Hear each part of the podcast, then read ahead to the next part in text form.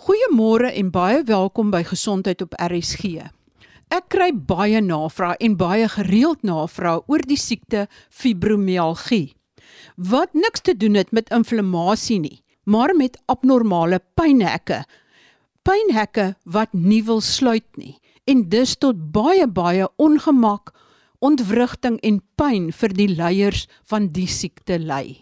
Ek gesels met professor Helmut Reuter, hoof van farmakologie aan die Universiteit van Stellenbosch Mediese Skool oor fibromialgie, omdat hy ook 'n reumatoloog is. En hierdie siekte beland baie kere in die hande van reumatoloë. In vandag se gesprek verduidelik hy nie net wat die simptome is nie, maar ook die behandeling, die oorsake en presies wat die siekte is. Fibromialgie is 'n baie definitiewe diagnose en dit is 'n baie definitiewe siekte. Die simptome mag soms bietjie vaag wees en die kennis van dokters oor die siekte is dikwels vaag. En ek dink dit is wat tot 'n groot mate bydra daaroor dat daar verwarring is, dat daar onsekerheid is en dat mense nie presies weet waar dit inpas, hoe dit vergelyk met ander vorms van artritis nie en wie is die beste persone om dit te behandel. Ek dink ek wil eers begin om die woord te verduidelik fibromialgie. Die fibro is die bindweefsels en die mialgie beteken pyn van spiere. So dit van enigiets met myositis byvoorbeeld is inflammasie van spiere en artralgie is die pyn van gewrigte. So mialgie is pyn van spiere. En dit is 'n belangrike konsep van fibromialgie. Dit is die bindweefsels, dit is die tendons, dit is die spiere wat seer is en dit is nie siekte wat skade doen aan gewrigte nie. So niemand sal ooit 'n gewrigsvervanging benodig vir fibromialgie nie. Daar gaan ook nie vervorming van 'n gewrig wees weens fibromialgie nie. Tot omtrent so 20 jaar gelede is dit dikwels verwys na fibrositis in die plek van fibromialgie. En as mens fibrositis hoor, dan klink dit asof dit 'n inflammasie is van die fibreuse bindweefsels. En dit is belangrik om te besef dat dit nie inflammasie is nie, dat die term fibrositis dus verkeerd is. Dat dit eerder as 'n pynsindroom eerder as 'n inflammatoriese sindroom. So dit is 'n baie belangrike beginpunt om die siekte te verstaan. So dit gaan oor pyn, dit gaan oor pyngeleiding, dit gaan oor pyn hekke in die brein en om dit baie vinnig te sê dan is fibromialgie 'n pynamplifiseringsindroom. So daar is versterking van pyn en dikwels is daar onderliggend 'n siekte wat pyn veroorsaak en die persoon met fibromialgie ervaar die pyn dan net baie erger. Ek dink dit is ook baie belangrik om verskille te tref van ander siektes wat soortgelyke name het.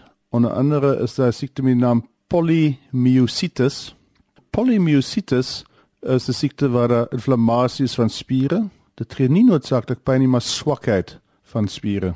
Ons kan dit diagnoseer deurdat daar verhoogde spierensimes in die bloed aangetoon kan word, deurdat daar abnormale elektromiografie is en deur middel van 'n spierbiopsie. So dit is polymyositis wat meer inpas met lupus. So dit is 'n tipiese autoimmune spiersiekte. Dan is daar siekte met die naam poly fibromyalgie rheumatica en dit is die siekte waarmee fibromyalgie die meeste verwar word. Nou polymyalgia rheumatica beteken wie ons daar spierpyn maar hier is 'n reumatiese komponent. Dit is 'n ware inflammatoriese siekte waar die inflammasie is van die skedes rondom spiere, skedes rondom gewrigte, dan mag vogophoping in gewrigte plaasvind wat die mens met 'n ultraklank of 'n magnetiese resonansieskandering kan aantoon, maar dit is nog steeds hoofsaaklik inflammasie van weefsels, so daar's ook nie gewrigskade nie. Van die kraakbeen word nie beskadig nie en die been word nie beskadig nie. Die siekte word egter daardeur gekenmerk dat ons inflammasie kan aantoon in die bloed. So met polymyalgie rheumatica, reumatiese spierpynne, is daar verhoging van die inflammatoriese merkers in die bloed. Met fibromyalgie, nie inflammatoriese siekte nie, is die inflammatoriese merkers in alle tye negatief. So die bloedbesinkingspoed sal normaal wees en die CRP gaan normaal wees. Nou hoekom dit kompleks en moeilik is, is omdat fibromyalgie kan voorkom met ander siektes. So dan mag 'n siekte wees soos byvoorbeeld lupus of reumatoïde artritis. Dit kan verhoogde bloedmerke gee, dit kan skade aan gewrigte veroorsaak, maar die persoon kan ook fibromialgie hê. So die persoon kan met twee siektes terselfdertyd sit, uh, inflammatoriese siekte en 'n uh, sinewee amplifisering te pyn sindroom. En ek dink dit is die moeilikste vir mense te verstaan, hierdie feit dat die siektes saam kan voorkom.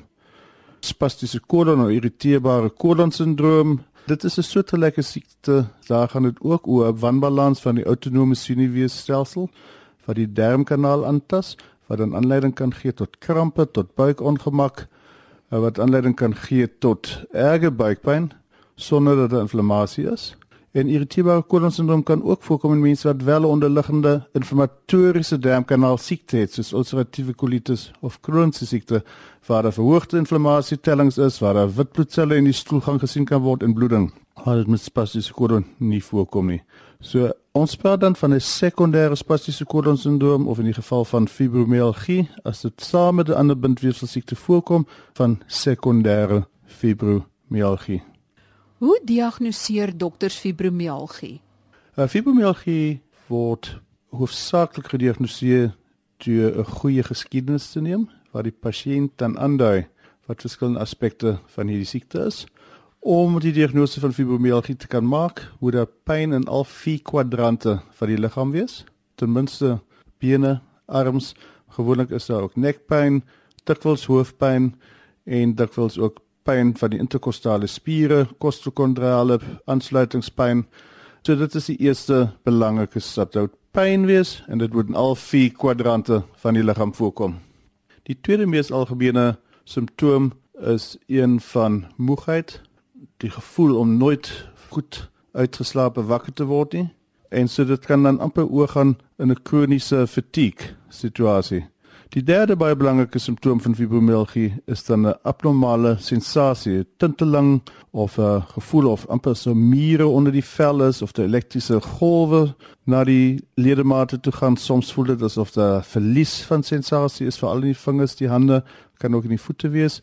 Dit dui eens op 'n abnormale geleiding van pyn en van sensasie deur die fyn vesels wat sensoriese impulse dra van 'n perifere plek na die brein toe.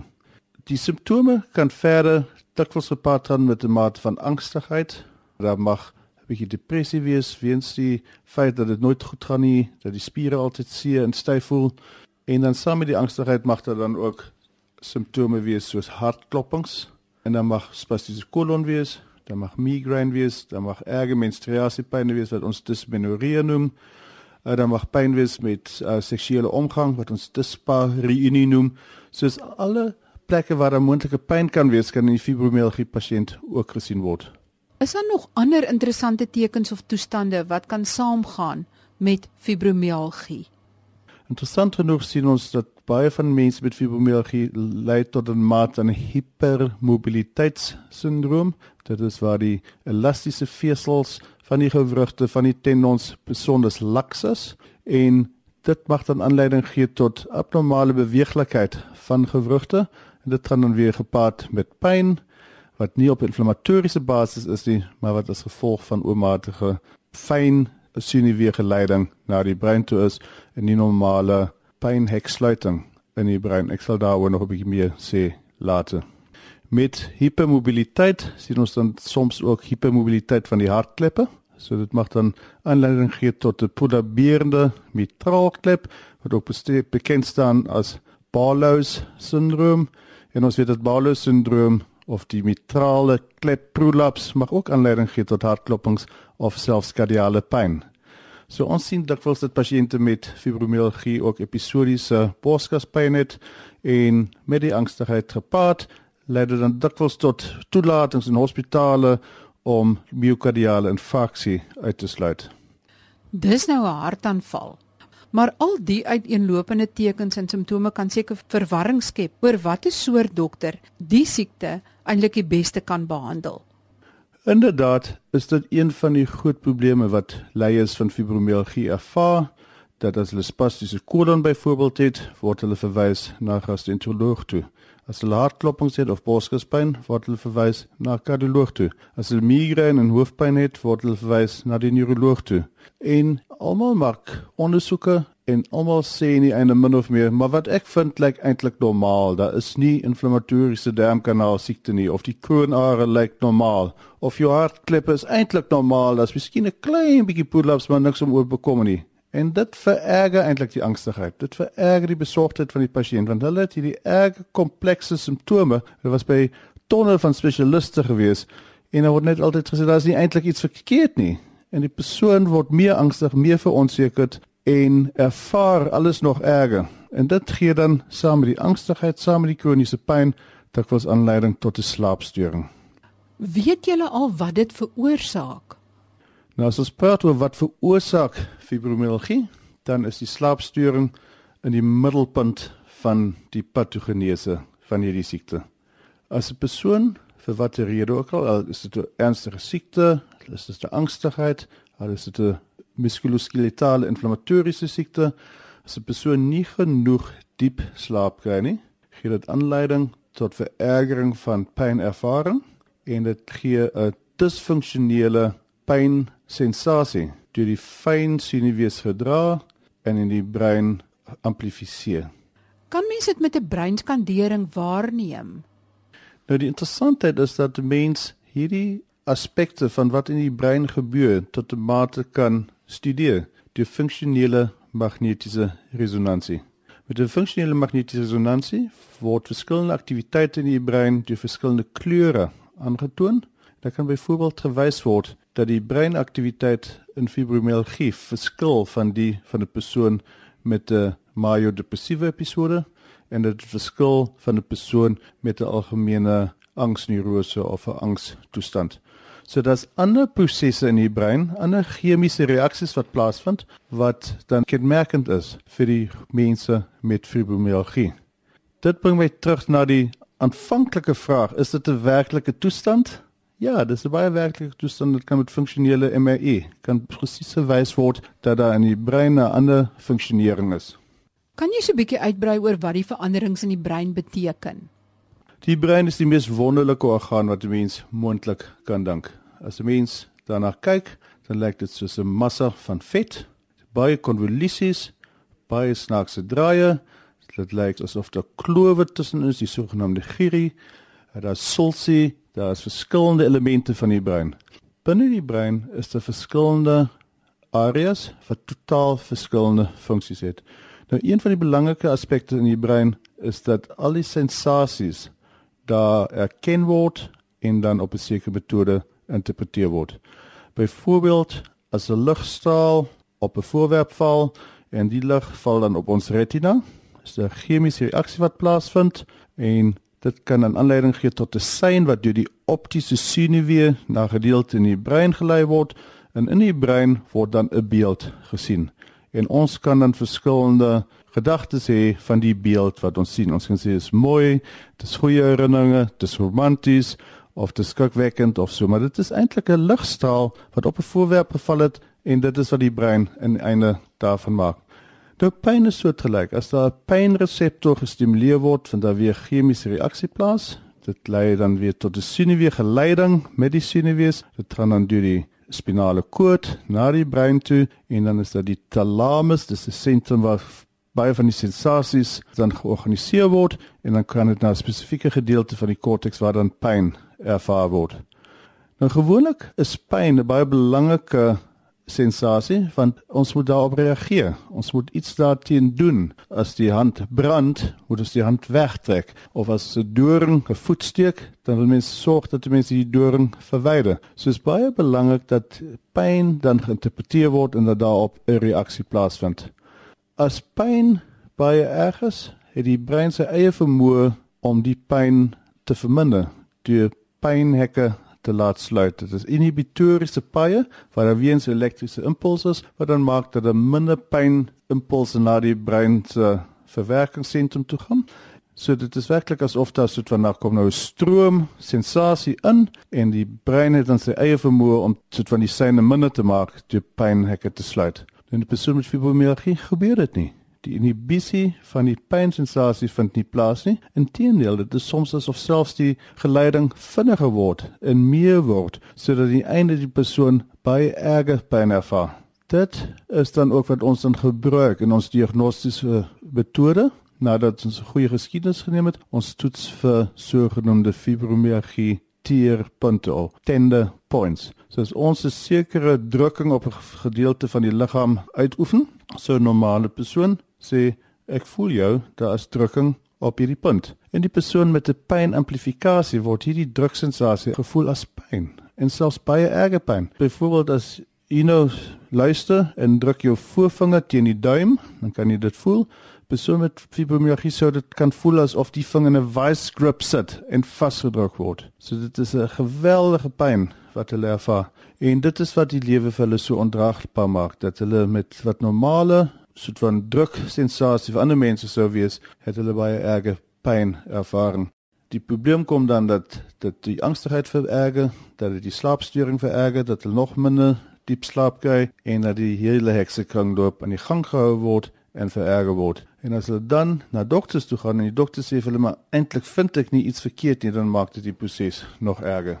So dit is baie belangrik dat die mens 'n uh, oopheid het vir die diagnose van fibromialgie, dat die diagnose reggemaak word, dat daar wel vasgestel word dat daar nie ander siekte is wat byvoorbeeld immuunonderdrukkende behandeling of iets nodig het, maar dat die mens so gou moontlik die diagnose vasstel, dat die mens verduidelik hoe dit saamhang met ander autonome funksionele storinge soos spastiese kolon of spastiese blaas of hartklopings en dat mense dan die siekte as een sindroom kan behandel en nie probeer om elke orgaanstelsel onafhanklik te behandel nie.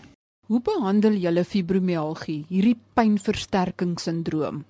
In terme van die behandeling, eh, die eerste belangrike stap is is 'n goeie diagnose verduideliking. So dit moet verduidelik word. Dit is belangrik dat inligting gegee word. Die tweede belangrike ding is om te probeer dat die persone wel 'n so positiewe lewenstyl aanneem soos moontlik. Ons dink dat oefeninge baie belangrike rol speel. Dit is veral oefeninge soos yoga, tai chi wat gewys het om te help vir die pynamplifikasie sindrome. Stap kan goed wees. En dit is belangrik dat mense net aanvanklik met klein afstande, uh kort tyd begin en dit dan stelselmatig minimaal vermeerder. Byvoorbeeld as mens sou begin om 200 meter te stap elke dag en 'n week later 50 meter verder en 'n week later nog 50 meter verder en dit vir 52 weke doen, dan sit mens by en by 5 km. So dit is baie belangrik dat dit selfselmatig is dat mense nie te veel doen aanvanklik nie want dit sou weer spierpynne kan vererger, dit sou gevoel kry van ek word eintlik erger en ek is afgemat en ek is moeg. As mense selfmatig stadig opbou, kan dit 'n positiewe effek hê om te sien dat mense eintlik dit kan doen en dat mense dit eintlik met die tyd beter en beter kan doen. Dan is slaap baie belangrik, speel 'n baie belangrike rol. Ons praat van slaaphigiëne. So dit is baie belangrik dat daarna gekyk word dat die ding wat moontlik slaap kan verstoor uit die weg geruim word. Uh, dit mag aspekte wees soos oormatige eet, drink van koffie, drink van tee, matige alkoholinname, enige ander stimulante tot laat in die aand. Dit gaan ook oor stimulasie soos musiek of beeldradio of enigiets anders. Lees tot net voor bed toe gaan wat alles 'n rol kan speel. Dit is baie belangrik dat dit so stil as moontlik is, dat dit so donker as moontlik is en dat die bed baie gemaklik is. Met dit beteken ons dat ons 'n goeie matras het, maar met 'n sagte dek daaroor sodat die pyn nie ervaar word nie. So ek sê vir baie mense met fibromialgie, dis eintlik goed om onder die laken nog 'n ekstra duvet of 'n kombers te sit sodat die matras mag 'n stywe matras wees, maar die oppervlakte moet baie baie sag wees. Hulle moet kyk spesifiek dat hulle baie sagte materiaal slaapklere het wat gemaklik op die vel voel, dat dit nie krap nie, dat dit nie brand nie. So dit is alles dinge wat 'n rol kan speel in slaap. En dan help ons soms chemies ook met die slaap. Dit is veral die diep slaap wat ons wil bevorder, waar moontlik vir my ons benzodiazepines of soortgelyke slaapmiddels alhoewel in die kort termyn wel 'n rol kan speel om slaaphigiëne te verbeter. Ons gebruik dan gewoonlik psigiatriese antidepressant soos amitriptyline wat nie noodsaaklik slaap induseer nie, maar wat help met diepe slaap en wat help met soort van nag slaapstoringe. En dit is dan dikwels die goedkoopste en eenvoudigste en beginmiddel vir fibromialgie is die middel amitriptyline kan 'n lae dosering van 10 mg of selfs 5 mg gebruik word en die dosering sou dan vermeerder kan word stapsgewys tot 'n dosering van miskien 50 mg, maar gewoonlik nie meer as dit nie. Om as antidepressant geklassifiseer te word, moet die dosering tussen 100 en 200 mg te wees. So ons gebruik dit nie as antidepressant nie, maar ons gebruik dit om slaapritme te verbeter, om diepe slaap te induseer en saam met dit die proses van fibromialgie te verbeter. As die tripelin met 'n oefeningsprogram die ding doen, dan het mens geen ander behandeling nodig nie. Maar ongelukkig is vir die meerderheid van fibromialgie leiers is dit nie genoeg nie en sal er na verdere intervensie gekyk moet word. As amitriptyline nie voldoende is nie, wat kan jy dan voorskryf? Nou daar's basies twee groepe middels wat hoofsaaklik daarvoor gebruik word. Die een is anti-epileptiese middels en die rede hoekom hulle werk is omdat hulle die geleiding in die pynvesels kan vertraag.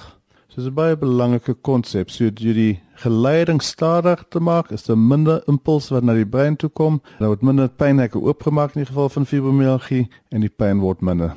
Dink jy spesifiek aan 'n middel soos Lyrica, gabapentin of middel wat bekend staan ook as Neurontin of Epileptin. So ons het hoofsaaklik Lyrica en Neurontin of hulle generiese ekwivalente tot ons beskikking en plus minus 70% van mense vind dat hulle simptome van fibromialgie ten minste met 30% oor die eerste 3 maande verbeter en met 'n verdere 30% oor die volgende 3 maande. So dit beteken nie dat die simptome heeltemal opklaar nie, maar oor 'n periode van 6 maande kan dit met ten minste 50% verbeter. So dit is eerstens 'n lae dosis amitriptyline. Dan Lyrica of Neurontin. Maar is daar dan nog 'n wapen in julle arsenaal om hierdie siekte te behandel? Die ander groep middels wat ons gebruik is 'n klas van antidepressante. In hierdie geval gebruik ons hulle weer nie eintlik as antidepressant nie, maar hulle het 'n direkte invloed op die inhibitoriese paaie. So hulle kan dit regkry dat daar weer pyninhibisie plaasvind. En die middels wat ons hier aan dink is antidepressante met name so Cymbalta, Simgen, Yelate, Venlo of soortgelyke middels in dieselfde klas begin hulle gewoonlik in 'n lae dosering en dan na 2 weke of 4 weke word die dosering verhoog en dit het dan dikwels tot gevolg weer eens soortgelyk soos die middel Lyrica dat die simptome oor 'n periode van 3 maande met omtrent 30% verbeter en na 6 maande met 'n verdere 30 tot 40% en die middels kan lanktermyn gebruik word En dit kan dikwels net die siekte spreek. Die persoon kry weer goeie slaap, die persoon begin met goeie oefeningsprogram en skielik word die simptome minder en minder en kry hulle weer lewenskwaliteit terug en aan die einde is dit dan dikwels moontlik om die medikasie te onttrek of 'n lae dosering te gee vir langtermyn gebruik. Is sommige mense geneties meer vatbaar vir hierdie sindroom of moet mens eers 'n tipe pyn iets hê wat dan geamplifiseer word? Die antwoord is altyd maklik by enige siekte. Daar's altyd 'n genetiese komponent, want die genetika maak wie ons is tot 'n groot mate, maar daar's verskillende omgewingsomstandighede wat dit gaan vererger.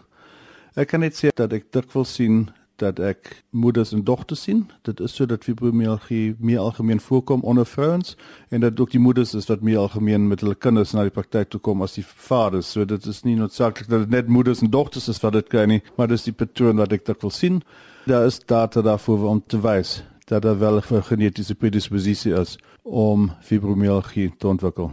Die tipiese geskiedenis van 'n fibromialgie persoon is dat dit was traumas, dit was emosionele of fisiese trauma al op 'n jong ouderdom, veral die primêre fibromialgie leiers en dit is dan dikwels dan ook in families gebeur dat dat die ouer en die kind het miskien dieselfde tipe trauma beleef. Dit kon as gevolg van slegte huwelik gewees het van misdadigheid van violence against women ensovoorts wat dan in 'n huishouding gebeur. Daar kan erge gebeurtenisse gewees, soos brande wat plaasgevind het, oorvloeding wat plaasgevind het, soos dit was katastrofale dinge wat gebeur het. So dit dan outomaties lyk soos 'n vorm van 'n posttraumatiese stres syndroom. En dit is dan ook so bewys dat baie mense met posttraumatiese stres ook fibromialgie kan ontwikkel.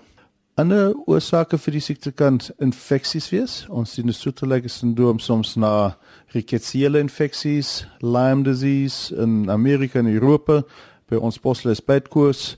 Uh, daar is 'n verwantskap met Epstein-Barr virus, soos ook met kroniese uh, moegheidssindroom. Dit lyk asof van die kroniese inflammatoriese infektiewe siektes wat dan kan oorgaan tot 'n uh, moegheidssindroom of 'n pynsindroom soos fibromialgie. Professor het nou nou gesê dat na sekere tyd wat mens die middels gebruik, dat jy tot 'n groot mate verligting kan kry van die pyn. Maar kan jy 100% verligting kry? En is dit almal wat verligting kry of is dit net 'n sekere persentasie van pasiënte? Uh, ek is 'n groot optimis, so ek sê almal kry verligting, maar die persentasie verskil. So ek dink omtrent almal kry verligting as hulle weet wat die siekte is, as hulle sien dat iemand belangstel in hulle siekte, as iemand die siekte verstaan, vir hulle kan verduidelik en as 'n mens die basiese ding wat ek nou aangespreek het, pynbane, pyninhibisiebane, slaapritme, oefening, as dit aangespreek word, is daar basies altyd 'n verbetering van simptome. Ek is seker dat daar uitsonderinge is waar daar nie verbetering is nie man mens moet daarvan uitgaan dat daar gewoonlike verbetering kan wees.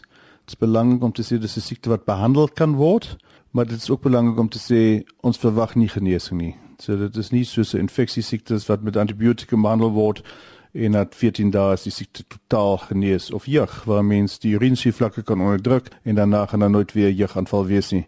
Nou opsig is dit 'n meer komplekse siekte. Die persoonlikhede speel 'n rol, die feit dat daar altyd sinewiebane is en dat dieselfde pynamplifikasie weer sou kon voordoen is belangrik dat mens wel aanvaar. So dat kan terugvalle ook wees. So ek gaan daarvan uit dat dit 'n kroniese siekte is, dat dit langtermynbehandeling verg, maar dat daar gewoonlik verbetering van simptome is die meeste navorsing gaan altyd oor 6 maande en dan oor 2 jaar en dit is maar soos ek gesê het, daar's patrone van 'n 30% verbetering en 'n verder 30%. So ek dink die meeste studies wat nou met die moderne middels gedoen is, kan 'n mens verwag dat 70% van mense omtrent 50 tot 70% verbetering van simptome ervaar oor die eerste 6 maande van behandeling en dat dit gewoonlik volhou kan word oor die 2 jaar periode. Baie dankie aan professor Helmut Reuter, hoof van farmakologie aan die Universiteit van Stellenbosch Mediese Skool vir sy insigte oor hierdie interessante maar baie keer verkeerd verstaande siekte, fibromialgie. As jy aan fibromialgie ly, soek hulp. Want soos jy gehoor het, daar is hulp en daar is verligting van hierdie verskriklike pynlike siekte. Tot volgende week wanneer ons weer oor gesondheidsake gesels. Baie groete van my, Marie Hudson.